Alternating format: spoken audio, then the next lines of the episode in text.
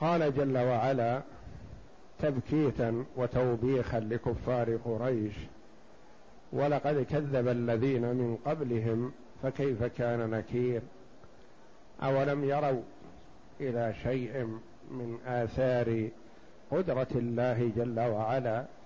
هذا الطير الذي يحلق في الجو باسطات لأجنحتهن وقابضات الله جل وعلا هو الذي يمسكهن وإلا لسقطن ثم قال جل وعلا امن هذا الذي هو جند لكم ينصركم من دون الرحمن ان الكافرون الا في غرور.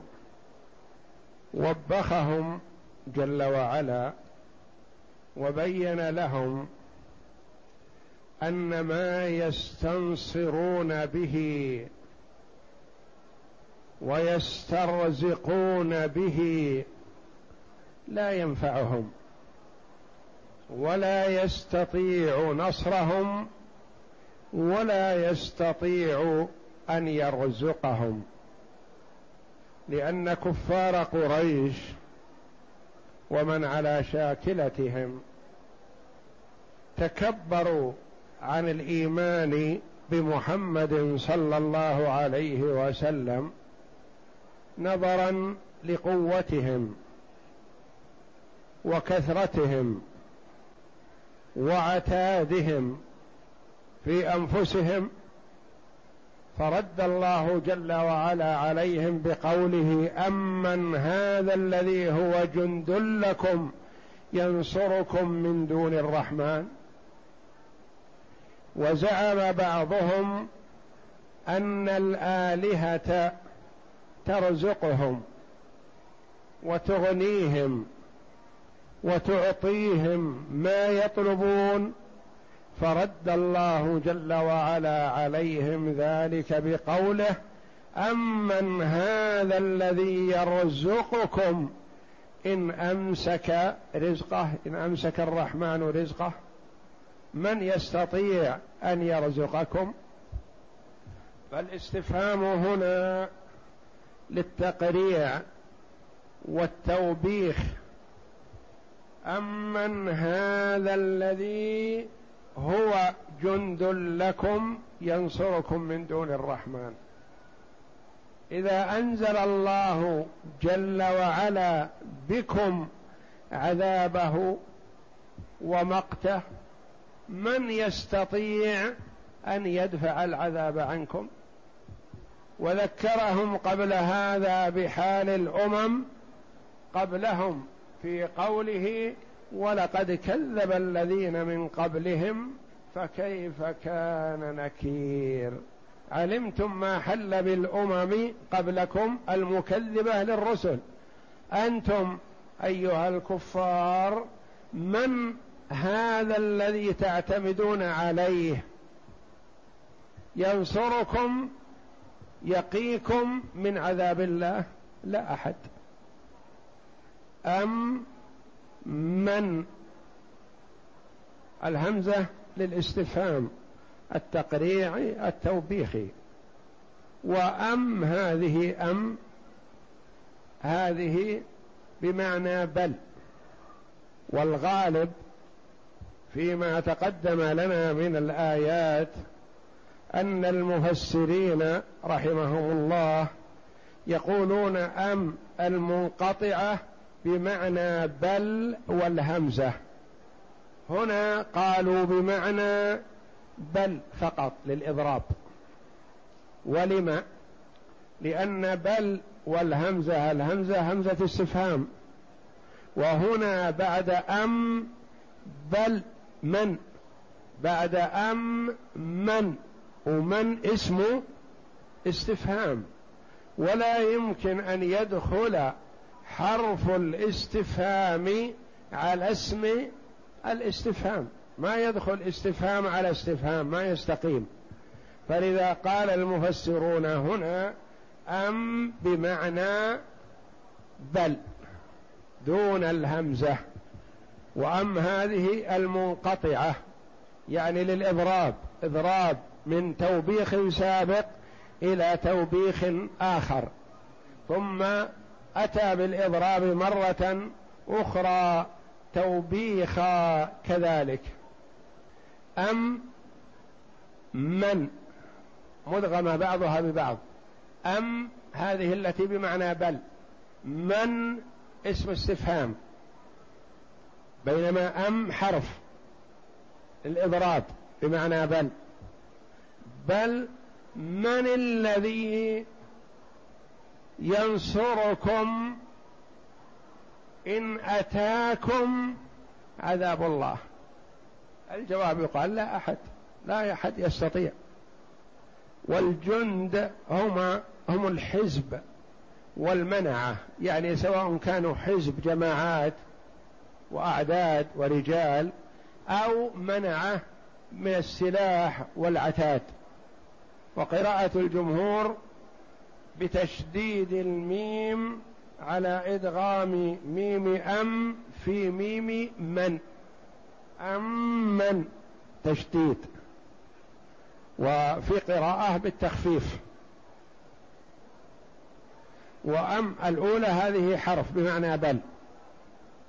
ومن اسم استفهام مبتدأ. وخبره اسم الإشارة أم هذا والذي اسم موصول. وصلته ينصركم هو جند لكم ينصركم. والموصول وصلته صفة للخبر أمن هذا الذي هو جند لكم ينصركم من دون الرحمن. يعني ينصركم إن أتاكم عذاب الرحمن. ينصركم من دون الله. يعني يغنيكم عن الله. يدفع عنكم العذاب إذا أحله الله بكم. لا أحد. من دون الرحمن. إن الكافرون إلا في غرور. إن هذه النافية لأن جاء بعدها إن الكافرون إلا يعني ما الكافرون إلا في غرور. فإن هذه النافية ومرادا بها الحصر يعني ما هم إلا في غرور مغترون بما يملي عليهم الشيطان ويغويهم ويسلطهم وإلا فلا قدرة لهم على الامتناع من عذاب الله إن أحله الله جل وعلا بهم. وفي قوله تعالى إن الكافرون إلا في غرور جعلوا الظاهر مكان الضمير لزيادة التوبيخ وتسجيل هذه الصفة الذميمة عليهم. وإلا ففي غير القرآن يصح أن يقال إن هم إلا في غرور. امن هذا الذي هو جند لكم ينصركم من دون الرحمن إن الكافرون إن هم إلا في غرور. يعني ما هم إلا في غرور. يعني مغترون بما يملي عليهم الشيطان ويغويهم به ويسلطهم به على محمد صلى الله عليه وسلم ومن معه من المؤمنين. يقول تعالى للمشركين الذين عبدوا معه غيره يبتغون عندهم نصرا ورزقا منكرا عليهم فيما اعتقدوه ومخبرا لهم أنه لا يحصل لهم ما أملوه. فقال الله تعالى أمن هذا الذي هو جند لكم ينصركم من دون الرحمن أي ليس لكم من دونه ولي ولا واق ولا ناصر لكم غيره. ولهذا قال تعالى إن الكائن الكافرون إلا في غرور. أمن هذا الذي يرزقكم إن أمسك رزقه. إضراب آخر. فيه تبكيت وتوبيخ وتقريع للكفار. أم مثل أم الأولى بمعنى بل بدون الهمزة لأن فيه اسم الاستفهام.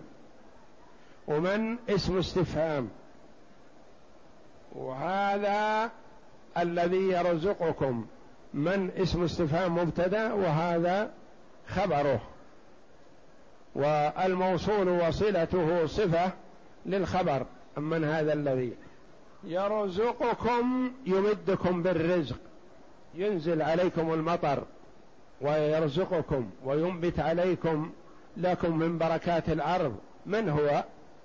من هذا الذي يستطيع أن يأتي لكم بهذا الشيء؟ إن أمسك الله رزقه. المطر ينزله الله عليكم وينبت لكم الأرض. إن أمسك الله رزقه عنكم فمن الذي يرزقكم؟ هل الآلهة كما تزعمون ممكن تمدكم بالرزق؟ الآلهة ما تنفع. أشجار أو أحجار لا قيمة لها ولا نفع فيها وما عبدوه من الأشخاص الأموات فهم لا يخلو. إما مؤمن في روضة من رياض الجنة أو فاجر في حفرة من حفر النار. والمؤمن في روضة من رياض الجنة اولا لا يدري عنهم ولا يسمعهم مهما صرخوا ومهما دعوا.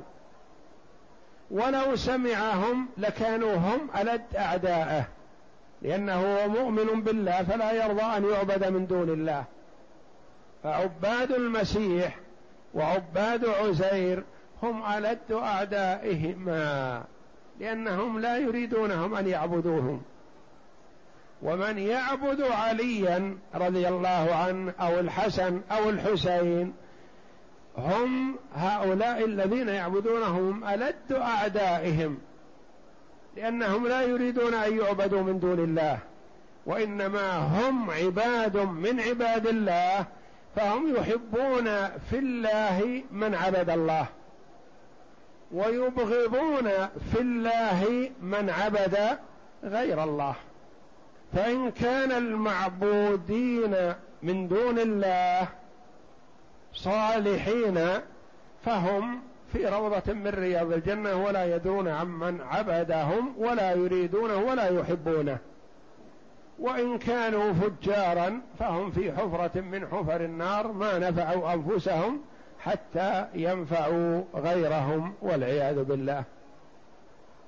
أمن هذا الذي يرزقكم من هو الذي يستطيع أن يرزقكم إن أمسك الله رزقه عنكم هل تستطيع الآلهة أن ترزقهم؟ لا والله. وكثير منهم يعترفون بأن الآلهة ما تستطيع أن ترزقهم. ولئن سألتهم من خلقهم ليقولن الله. فالكثير منهم يؤمنون بتوحيد الربوبية ولكنهم يكفرون بتوحيد الألوهية. بل لجوا في عتو ونفور.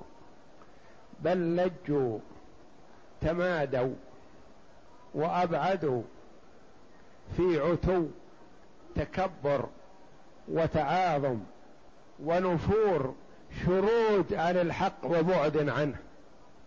ما قربوا واستمعوا وأنصتوا وقبلوا الحق وردوا الباطل لا. هم أبعدوا وتعا وتمادوا في البعد عن الحق ما يريدونه. بل لجوا في عتو تكبر وتعاظم ونفور شرود وبعد عن الحق. أمن هذا الذي يرزقكم إن أمسك رزقه أي من هذا الذي إذا قطع الله عنكم رزقه يرزقكم بعده؟ لا أحد يعطي ويمنع ويخلق ويرزق وينصر إلا الله عز وجل وحده لا شريك له. وهم يعلمون ذلك ومع هذا يعبدون غيره. ولهذا قال تعالى بل لجوا أي استمروا في طغيانهم وإفكهم وضلالهم في عتو ونفور أي معاندة واستكبار. ونفور على أدبارهم عن الحق لا يستمعون له ولا يتبعونه. أفمن يمشي مكبا على وجهه أهدى أم من يمشي سويا على صراط مستقيم.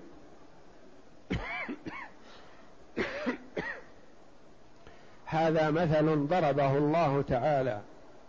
للمؤمن والفاجر. أي الاثنين أحسن. أفمن يمشي مكبا على وجهه المكب المنصل على وجهه الساقط على وجهه يمشي لا يرى ما بين يديه ولا يرى ما على يمينه ولا ما على شماله. يمشي يعثر فيما أمامه. ما ينظر ولا يرى مكبا على وجهه.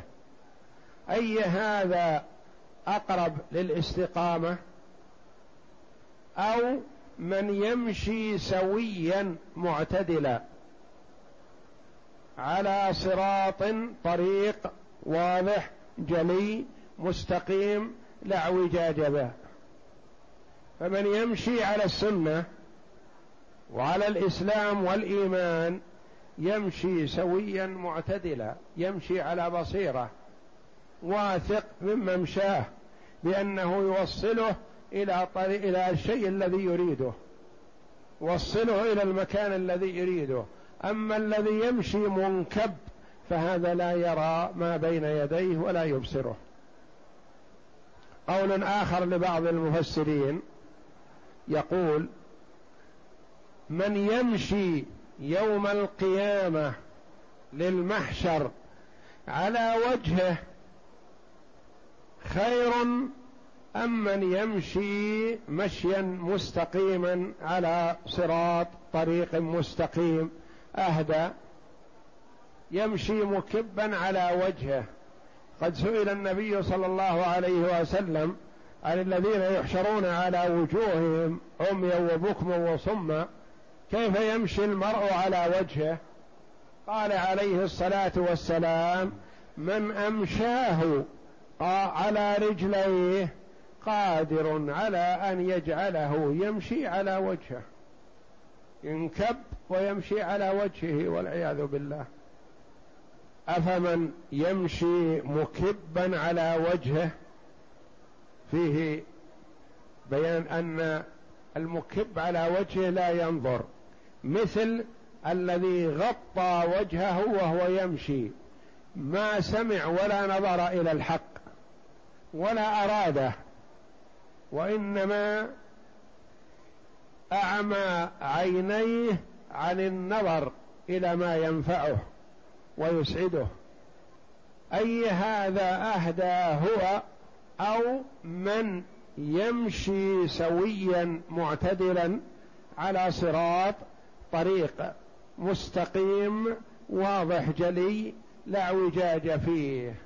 فمن يمشي على الحق بمثابة من يمشي على الصراط المستقيم البين ومن يمشي على غير الحق والعياذ بالله فهو بمثابة من يتهبع ولا يهتدي طريقا.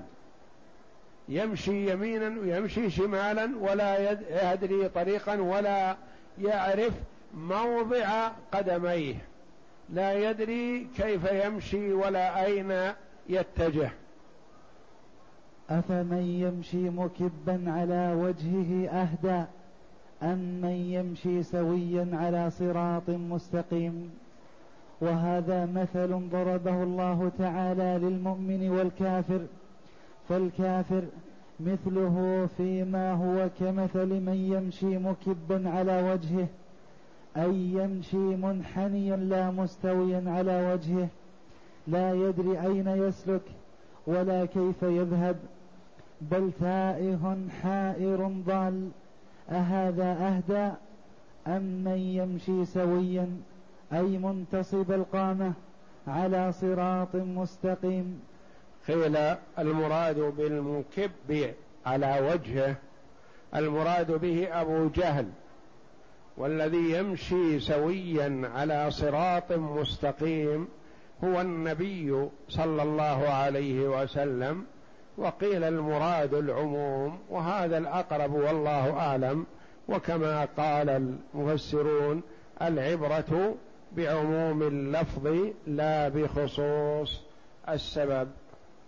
والله جل وعلا قال عن هؤلاء المكب ونحشرهم يوم القيامة على وجوههم عميا وبكما وصما مأواهم جهنم والعياذ بالله.